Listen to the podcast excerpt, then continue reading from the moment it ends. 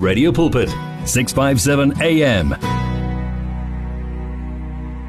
Asingene ke kwi discussion yethu ngisaqhubekile la nginabantu abasha njengoba ngishilo ukuthi ke ngizobe ngino Newo eh Khusiyame Chulu nginokutlwana malahlela ngino gift maudu ya sizoxoxa la eh, ngodaba sikhuluma ngokuthi finding yourself and your purpose Dumelang. Agre. Le kae? Re teng ra lena. Re teng le rona. Thank you so much ukuthi nizosijoina kulentambama. Niyasizwa isizulu ngithi? Yebo. Okay, ngingathola umunye seka seka khipha mehla athi aring mara. Akamuntla hore aring. So I'm happy ukuthi niya understand ne eh isizulu kodwa ngizozama ukuthi ngimixe lesitswana nyana wabona. Mm -hmm. Okay siyanamukela la ekhaya ngicela ukuthi nichaze bese niyabingelela ake Thome kamo kamo kamo king eh kamo king left right yeah it's left left okay ake Thome kamo left hello well, hello hello kimang I am Chifiwa Gift Maudu mhm mm yes so I am really really happy to be here mhm mm so Our topic today, of course, as you have announced, it's going to be finding yourself and your purpose. This is a very, very interesting topic, and I'm actually honored to discuss this with such beautiful and young, happy souls. Beautiful. yeah, yeah. beautiful. Not handsome. Handsome and inspiring. and how old are you, Gift? I am 17 years old. 17 years old. Yes. Eh uh, ke na le mang ka mo center mo? Ke Kutlano Malahlela, also known as Kutlano Malahlela eh, the Eagle. Mm -hmm. Let me start by thanking you for having us in your studio. Um yeah, shall I introduce my bio? yes, you can. Okay, Kutlano Malahlela the Eagle. I'm the founder and the president of the IOFOP. I'm also a motivational speaker, an events manager and a planner and also a 17 yes 17 yes 17 okay come on my left um ke nna no cholo which is ke nna author the journey and my sky my story i'm also founder of teen seed vision also a chief executive officer of Stone Colgate was at a young age 16 years wow la kwa la batho ba banye wetse la kwa la keng le tshabela go bua ka molomo le tshabela go bukeng yeah is better are kwali yeah kira author author neo oh okay yeah is better gore o ngwale instead of go bolela le batho because of buke ka so save and buke ka se botse motho that's yeah. how it should mm, be true that yeah yeah so okay mm-hmm. you have to write ev- your emotions make sure how you put all your emotions on a paper on a paper mm-hmm. ne yes. yeah um letlaga mamelodi all of you yes yes yes, yes. okay all right um njengoba u gift eshilo ukuthi um i topic yethu namuhla ukuthi finding yourself and your purpose i believe ukuthi we were each born for some purpose mm, yes mm, mm. but now the tricky part ke gore there are still some people who have no clue gore what they want to do mm. with mm-hmm. themselves or their lives mm. yes ekaba motho mogolo even young people i believe gore le lona le tsamaile mo that journey yes that journey ya hore mm-hmm. maybe o sa ikitse gore o mang o kre hore nje confused ha o itse gore go etsagalang mo phelong ba hao but the truth ke hore we exist on this earth for some period mm -hmm. and a uh, gona motho o itseng hore o mo lefatsheng for how long so it means hore nako e re e filweng tshwanetse re e berekise ka tsela e leng hore um o etsa dilo tse important mo bophelong ba hao um that is why o kre motho at the age of 40 or 50 ge a rewinder a bona o ka re o sentse nako ka dilo tse leng mm-hmm. hore mm -hmm. a di important yes. and hangata what I, I have realized ke gore ge wetsa something important for wena gives your life a meaning yes. and happiness mm. True. so today re bua ka yona taba e ya finding yourself and your, your purpose. purpose and i was amazed hore okay as young as you are like setse le itse ka purpose mm. and eh, le setse le itse ka go ka gore how important it is mm. ge o le motho o ikreye o ikitse gore o mang so re thoma ko kae a ke thome ka wena gift okay so yeah re thoma ko kae um gore o ikitse gore o mang Okay, so according to my own experience, mm. um to cry your own purpose in life, first of all, you have to determine your God-given gift, right? Yeah. Mm-hmm. So I believe that if you if if if how kono ho kreya ntwe ke modimo a o fileng yona yeah. it will become much much more easier hore o ire ntwe e ratang and ntwe ke phelang ke ho tsa batho ke a hore you know in life re phela ha one yeah ka mkhoboletseng hore each and every individual o tlile mo lefatsheng to serve his or her purpose mm. so i believe hore the only way ya ho ho kreya ntweki ntwe ntweleng e ntweleng ya hao e mm. modimo o fileng yona is to just try by all means to gather your god-given gift and i bet and i guarantee you that it will open doors for you mm. yeah yes mm. Mm. kutlwano mm. what it means to be you I think before we can uh, get into this topic deeply, mm. the first thing we need to start by is defining what is a purpose. Yeah. Because yeah. I think it will be very useless for us to speak about finding your purpose re so re so tlhalose gore na purpose ke eng okay i like using this scenario that when you are born mm. you are born with your hands or fists closed mm -hmm. so the question is what is inside your your hands yeah ngwan motho molo monghabele go obelegwa le purpose mm. so every baby a a belegwa mo lefatsheng o belegwa le matsogo a hae a kwalletswe ka mogara matsogo a there is your purpose the minute you unfold your hands it is the minute you your, you start living your purpose so the problem starts more sa itseng gore how do you recognize or uh, I am destined to do this or uh, not to do this. I think it has to do with matching your your your surroundings, finding inspiration from where you come from, who you surround yourselves with and your dreams man dream big and uh, so forth. I think your yes. question was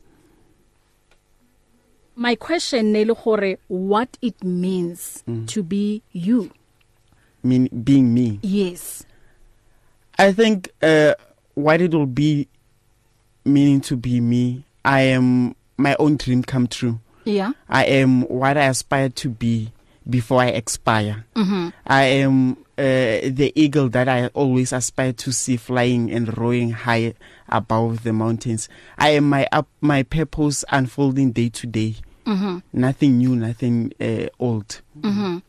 Wow. And um the the same question ke shebisa ko wena gape ne wena.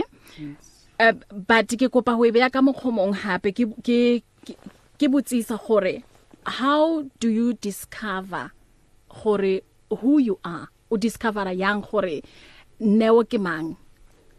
um you have to make sure hore as a person you surround yourself with people as Khutlana mentioned mm. hore the people you hang out with each and every day are the people determine what is your purpose yeah so hang out le batho ba ke ba snang ba some um, bringing a value to your life it will make you a person gore lo wena o ska bona value about yourself and your purposes so nna yeah. as neo cholo i surround myself with people ba ke ba inspire am um, you can't surround yourself le motho a sa inspiring and expect to do good things when you do bad, bad things you are supposed to do good things mm -hmm. so as a person i have always mentioned hore you live as they have mentioned hore you live once yeah. so you have to do things knowing that hore you live once yeah. and everything that you do each and every day you have to make sure hore you add value on your purpose mm -hmm. so as Neo Chola have always made sure hore whatever I do I do it because of Gaito hore the future is near mm. we are the youth so we are the future yeah yes, yes. Mm -hmm.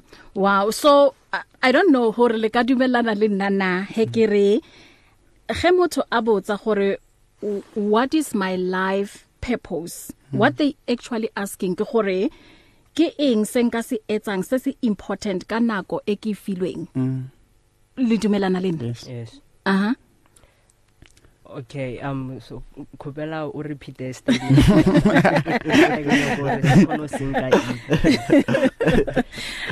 no i was saying hore he motho akatla mo wena a o butsisa gore what is your life purpose mhm mm ntwe ba e butsang pila pila ke gore ke eng se o ka se etsang se se important ka nako e o e filweng and se add more meaning to your life so ne ke na ne ke botsa gore do you agree le nna he ke re bya lona yes yes i definitely yeah. agree lwena um it, it is it is because of uh, you know as as a person ne, mm. of course omlomo ona le his or her own purpose in life yeah. but then at the same time if if if the way bolelang ore or or or you can come and and umbisa hore hore what is my life life purpose hmm. ntwe nka e irang to add value right yes so to your life yeah to my life mm. na not to be honest with you um hanchi i am i am inspired by by these two people wow. about kutlwano le neo yeah kutlwano le neo okay. their organization mm. the eye of hope so i believe for a nna le nna hona no ere pila pila hona no ere ke no shoota shot ya ka mm.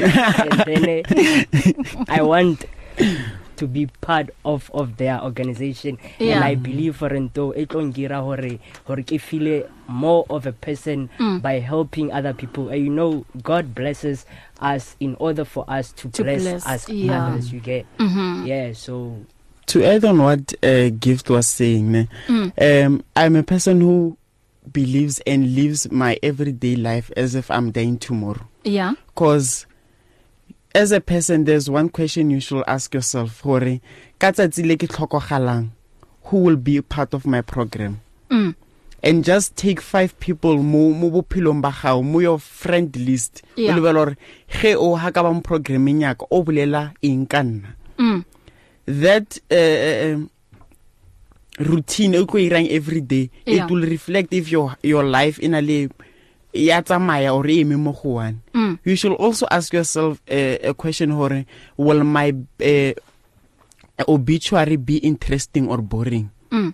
o gre tlhole re masumba botlhe mo i think eh. hona di obituary tse dingwe ke www wa zalwa wa wa phila wa fa oh okay mm -hmm. ne ask yourself or uh, what will be the contents tsa my obituary mm -hmm. and by asking yourself that question o tipu setse o tibulela o tipulela gore okay i must have this that achieved 1 2 and 3 mm -hmm. uh, acquire this type of knowledge in order gore batho ba tle motho tla balang obituary yaka mm. a khono catch attention ya batho so that's how you can easily get gore your purpose ke eng yeah, mm. Mm. mm. yeah. Mm. Oh yeah, to add on everything that have been mentioned, you have to make sure how you inspire yourself and inspiring people. Mm -hmm. So and uh, especially ko kasi nartha mamelodi. Ko mamelodi each and every young person knows so behavior in a way ya hore abaitse hore tomorrow ke what is future. Yeah. So but never like my peers dithakatsaka we have to make sure horror we do things knowing horror what is future holding for us because mm. that's how we should be mhm mm yes. wena steve have wako mami lodi i believe hore young people gona le dintho tsengata tseleng e hore ba ithuta tsona from ko wena hore mm. you know how start how na le 40 hore o be le direction mo mm. bophelong o o thoma o sale monyane so um and ntwe nthabisang ke gore you know letlhako locationeng and there's a lot tse e etsagalang ko locationeng e leng hore um young people ba ikrea ba ba ja bo di drugs you mm -hmm. know mm-hmm. or ba phela ba le ko menateng like teenage pregnancy yes mm -hmm. every weekend bo di teenage uh, eh, pregnancy nahana eh, neo o le mokana o lentana o setse o lentana i am already a father ya ya the journey le ka sama story okay okay and then kutlile libwa ka organization let's mm. go go organization ngiyalona Okay, the IFO was founded by myself and my my deputy Khomosereo. Uh eh, what we do we provide basic needs that that our communities in need for like for example we do mm. provide food support uh, menstrual hygiene products which mm. are sanitary pads and so far we have registered 500 families that we provide with food parcels and hygiene products on a daily on a monthly basis rather wow yes. mm nenza umsebenzi omuhle kakhulu mm. so back to um taba ya rona re buang ka yona today mm. hore mm. um re re tsebe gore re bomang and re tsebe le gore purpose e modimo um a re betseng yona o modimo eh, ke eng purpose i mean our purpose our purpose yes re mole ke tsama gore ke westwana you know i'm used to ukukhuluma isiZulu mm-hmm. yes so when people ba feel hore they have no sense of direction um abana purpose in their life it might be gore they don't know what's important to them or they don't know what their values are sometimes i think yeah. gore our lives are depending on friendships yeah. and relationships yeah so we are like re try go copa each and everything that is happening right now no so the person o nyogo kopaneo by doing lots in wa dirang but a witse gore wena what is your purpose what is mm. everything about you so you have to remove those people by kibasa we seem feel i think that's how it should be mm. don't make your life depend more the friendship lead relationship be your own be independent mhm mm -hmm. uh, give yes. Eh, eh. the peer pressure Oh, Ew,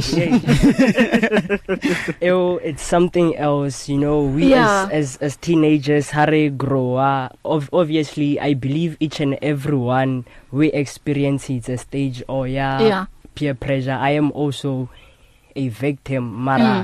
Mm. Thank God I survived. Mm. So here is the case about peer pressure. And you know, especially kasi Mamelodi, there is a lot of bad influence around us, like oh. mm. So for me personally we escape peer pressure just like neo a boletseng a re o tshwantse o check your surroundings you know o tshwantse o te rute ho choose your friends wisely and then ukhona ho the ho the discipline ukhona ho move le batho ba bana leng the same vision as yours to make your mm. life much much more easier mm. as well as oscar oscar depender on on some mm. unnecessary friendship and relationship focus mm. on your personal growth mm. your personal development and all shall be well guaranteed yeah mm. yes, yeah, yeah yeah yeah and wait uh, uh, some trouble tlhoko ke gore ha o sa yitse e, di value tsa hao mm. yes em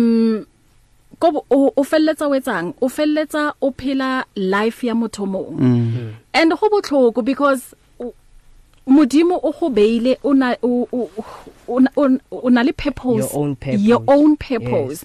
but now uh, because i think le peer pressure mm, it e etsa gore o felletse yanong o sa phela your purpose yes. o phela bophelo ba batho ba bang mm. and then how re papa you know nako it's wastele nako yes. and you then know, yeah to add on taba ya eh ya peer pressure ne Mm -hmm. I am one person who supports peer pressure. okay. You support peer I pressure. I support it. Okay.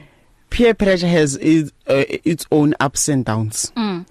Why I'm saying so I'm one person I found my purpose inside a friendship where our I was a victim of peer pressure. Mm. You know there'll be those friendships in a, a you'll be pressurized to do positive things because mm. of awunya gore ba re what's one musiki chomi ya mang mang mang mang mara yena huna moyang ukutisisa yeah uh in grade 9 I'm sharing my story just for few seconds mm. in grade 9 I had this friend and having this friend lady she was a bookworm mm. ne ga ona re motho wa bala during break uh, there was this movement lena christian movement uh, the host the, church mm. is menyana mm, so the LCL yes yeah. uh we were go and as i was in this friendship i became lost mm. because i realized no man hi man le ba reng a ke motho o mara because of I drew inspiration from that person mm. I had to find myself in order hore ke tswe mo peer pressure mara in a positive way mm. because mm. in life you must have the reference mm. a friend who's uh, ahead of you a, a friend who's uh, below your standards and a friend mo le mo leveling e one le yena yeah because a friend uh, like my teacher always says or a friend alling above you akasumoneli mm. and then a friend oling below you akasikompete lwena and a friend oling on your level ke motho tlo o tlo ikhothatsang ka yena because of there's nothing to lose true so i think it is how we group and take inspirations from peer pressure mm. there's nothing wrong about peer pressure mara there's bad peer pressure yes khona yes. le that bad one ya hore like ke nyoko ira ntwe e iriwanye mara yeah. like it's a bad thing yes ya kutlwana yeah. it's positive one ino e tshwana o draw inspiration from someone yeah. or inspire role model la how yeah. mm. but hona le tsela tsa hore like how mm. like Yeah. The problem is we cannot run away from negative people, negative environment. Yeah. Even if you are a in a workplace like yourself I'm making example mm. there will be those people will be influencing you whether negative or positive yeah. so negativity is just part of our daily bread we cannot run mm. away from it so i think botlhokwa ba go uh, finding yourself mm. bokena mo because yes. o ka se tsewe ke phefo especially yeah. if like ke influence a bad mm. cause you know hore wena o lukutlwano o emelang o emelang mm. and then le hore o mang and mm. le hore purpose ya hao ke eng um o o le mo lefatsheng mm. so i'm glad gore as young as you are le bone botlhokwa of finding yourselves mm. and your purposes because the attitude le environment or atmosphere e leng hore re gola ko yona gona le um that influence e leng hore e tlo ba teng gore ha o gola o o kena ko bo adulting ba hao e, o tlo ba an adult e yang Mm. And then phela this thing ke circle akere. Yes. It means hore wena o tlo ba an adult and then ngwana hao o tlo sheba go wena. Mm. E le gore le wena o shebile kae. Mm.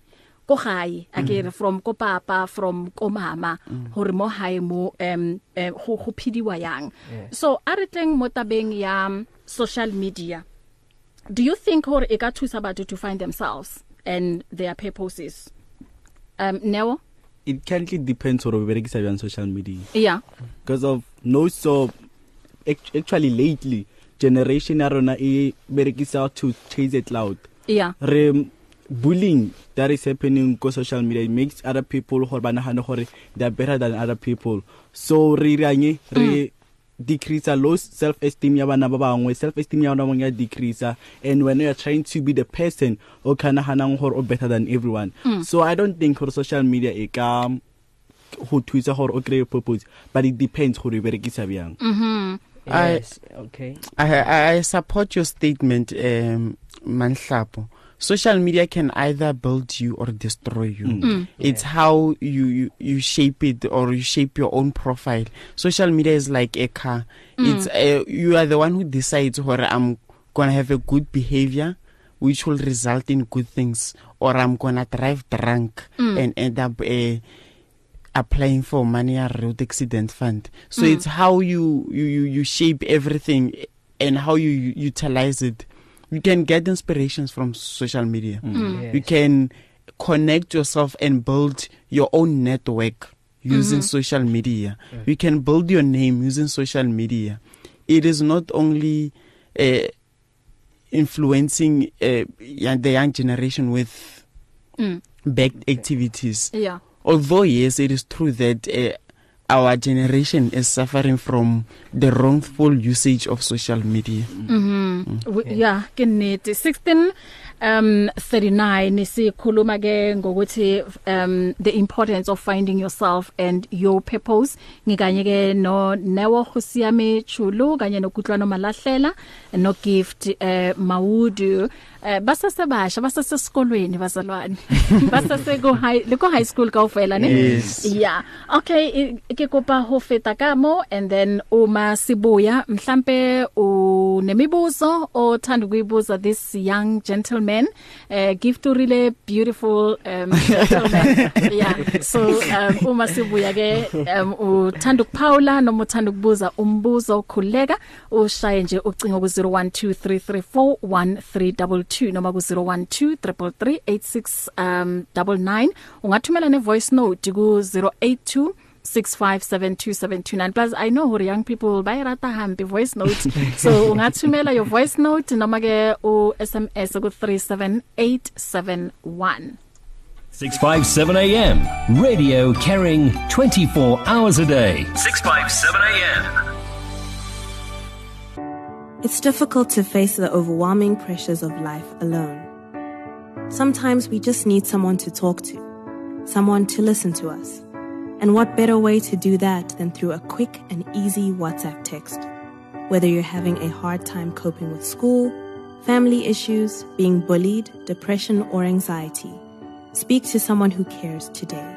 Send a WhatsApp message to 064 530 6805 or 074 995 9085. Our I Am Youth Counseling team, Charles DeToy and Danny Vambili, are ready to connect with you today.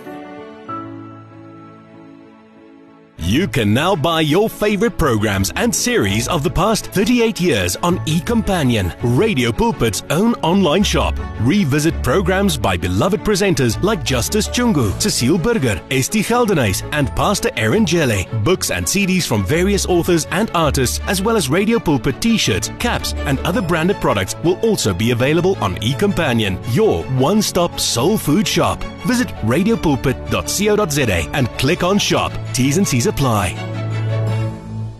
Get in touch with the truth, the light, and the life. 657 AM.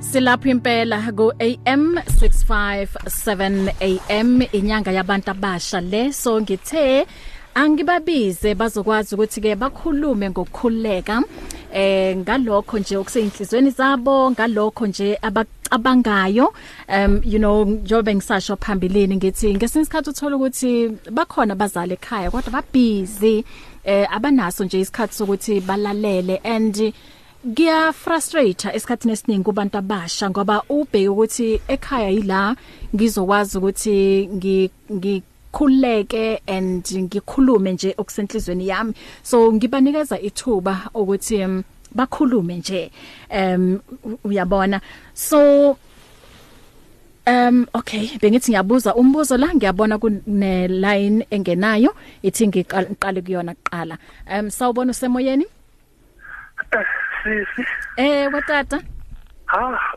mandibulise kubakhonzi kekaKristu igama eh, Amen Hello Ndi ndi ndithanda landawo ithetha nge nge obituary hey hey yamalo kanchune is it not very much important now these days ukuba ukuthi kwivision yakho now of changing lives mm and leto kuthiwa kube-difference making yeah? so i-nation building now unapicture ithini in your mind mhla kungaze kuthiwe naku ke ubhuti uswelekile ulele apha ungathanda ukuba bekungathethwa okuhle kangakanani ngawe sibahle kungathethwanga nje khoyo mm? now singawesti ixesha lethu lokuba kumfihlo wakho sithi lo muntu ebelungile mm. lastly it is very important bobuti ukuthi each and everything you do kwasesikolweni khawube ne foundation masika Christ mm. yeah sure a solid one yeah Mm. and then ujonge insika ujonge umzekelo iankile and then uchekishe ibacking yakho yazi sibahle ukuqokeleleni kukho uqaqamba yeah mhm and then e-, e-, ekuqeqeshekeni kukho uqaqamba mhm mm. and ekuqhuqhekeni kukho uqaqamba mhm mm. at the same time ekuqoqoshekeni kukho uqaqamba mhm and ekuqinisekeni ukuthi ungubani yeah hmm? Hmm.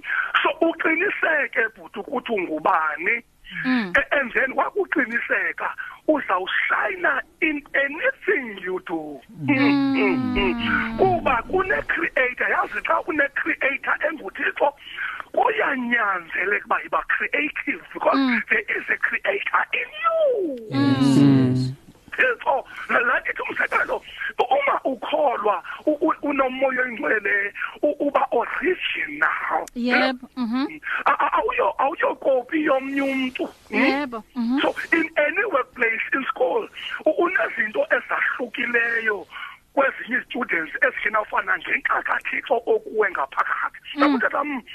ndiyayithanda hmm, indaba enojesu because uma ekhona nguye osenza senze Mm. into simi-miraculous hayi manje bulele inkosi nisikelele bazalwane inkosi nisikelele eh, amen ewe eh, thank you siyabonga siyabonga mfundisi bangani inkosi makhulu Mm. Isikhathi ke sithi 16 uh, 44 012 334 1322 eh khuluma nathi eh singabantu abasha eh sikhuluma ngokuthi kubaleka kangakanani to find yourself and to find your purpose um u akitse gore ke mang ne eh but ke bona nje iri e wait on you yeah i think true caller hike wait on you yeah uthi your god given gift uh definitely gift mm. your god given gift definitely gift okay because people know how to define us in any way yet God who formed us in our mother's womb knows what he has destined for us yes, mm. yes so that is powerful yeah asibona omunye la uthini Um okay, oh, Arikutlwano's punchlines are incredibly interesting. I like how open uh his mind is. Wow. Hi, good day. I just want to ask uh prayer okay? Yeah, all right. Uh sizokhuleka nawe. Yeah, and then omunye la uthi um, Uh, the, the beautiful the,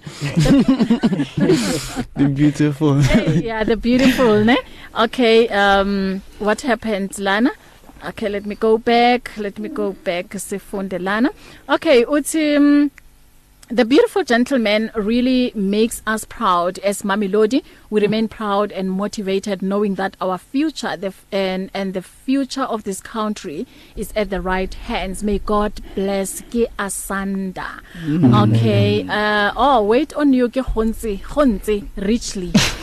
yes, ke khontsi richly. Nana ke bona wait on you. And then kune um, um voice note lana ngicela ukuthi silalele um ukuthi uthini. Um Hi, my name is Matron Swana.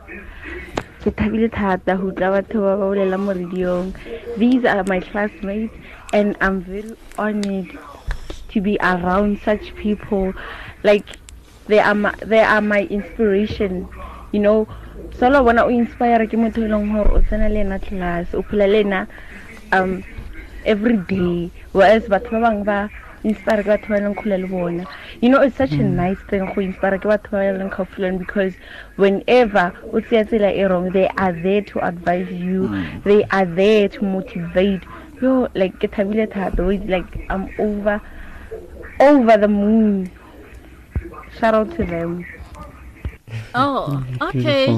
Beautiful. Yes, yes, yes. So kusho ukuthi nje eh komamelodi um hana go entse e ya re tlo bona eh batho ba batsha eleng hore ba phila ngendlela e right wetsi mm. re lapile bathong ke go bona um, dikhona and o bona hore you know yeah. already ka re life ya bona eh go fedile ka yona though are are ba latlhele matsogo kere mm. le teng lona hore le ba bontshe tsela gore guys this is not live yeah. and a gona go ilisang e ko teng mm. so um i'm glad hore hona le batho ba bantsha ba batsha ba e leng hore ba santsane ba dula ko makeišeneng and then bana le direction go bophelong a gift okay so um mna ne ke nyogo ho honofa our young people some advice yeah you know so um guys to the listeners and everyone out there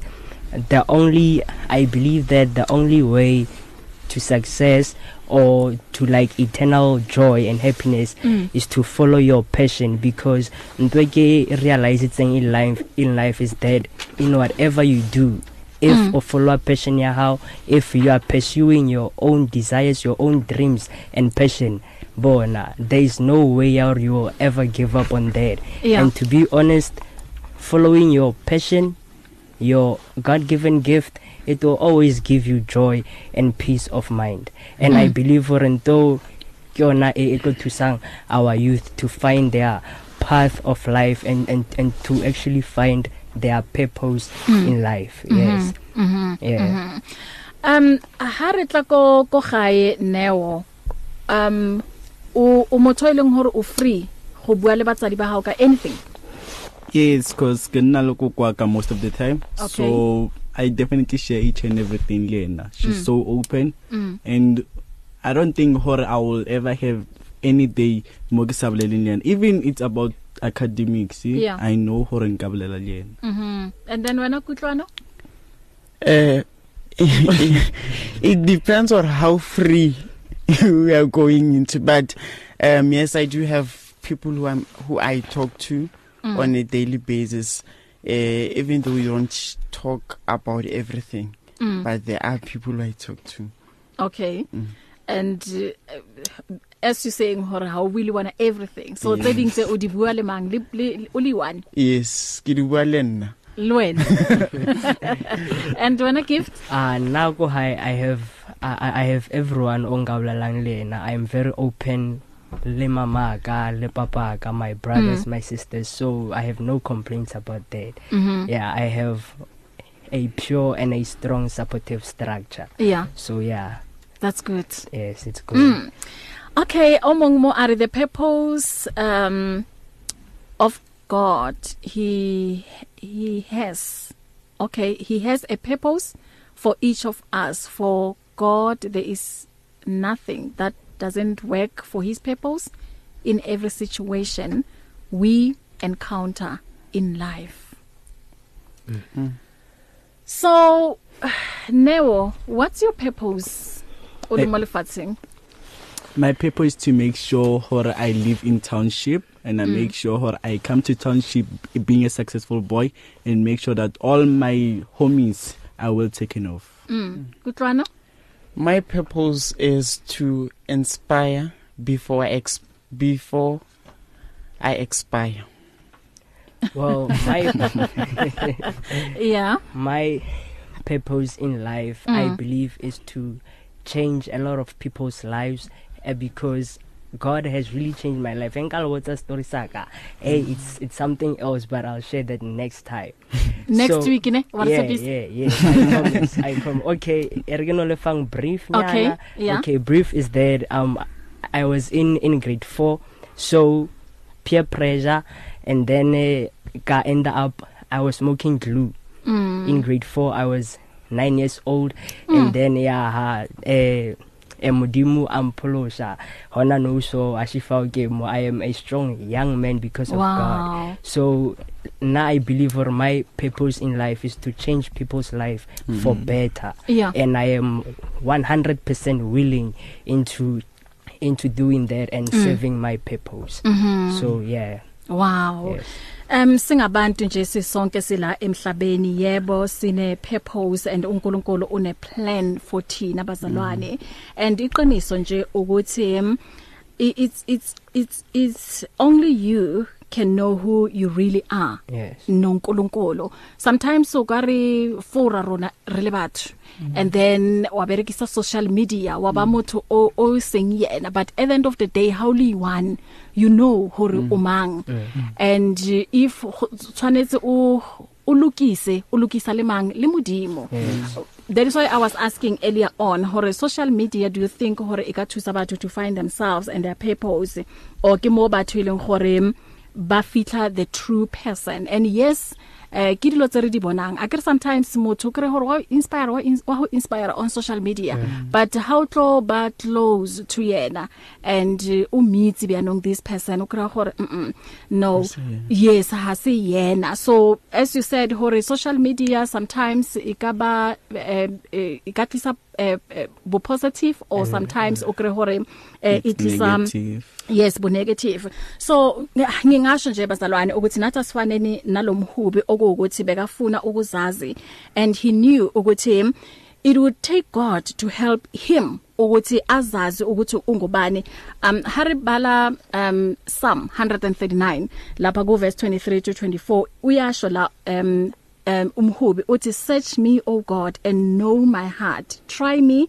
and know my anxieties and see if there is any wicked way in me yeah. so for a life of purpose you must first discover your true self yes. as benisho mm. then to know what you have found you must measure it by God's standard yes so uNkulunkulu uRitsitsi as um omunye bekasho la usaze singakazalwa eh. mm-hmm. yes ukuthi ke singabobani but rona re le batho because re batlo berekisa botlhale ba rona ah. re batla go berekisa go itse ga rona o kre hore at the end of the day silahlile lento yes true yes uthola ukuthi sesilahlekelwe ipurpose and nathi asisazazi ukuthi singabobani there is why ukra batho abangu wakena ka mo wa tswa wa kena ka mo wa tswa utlo mong ba ra shule wa thwasa utlo mong ba ra shule o etsa di eng eng wa bona dilo tse di yalo mm. ke gore ha re ikitse gore re bomang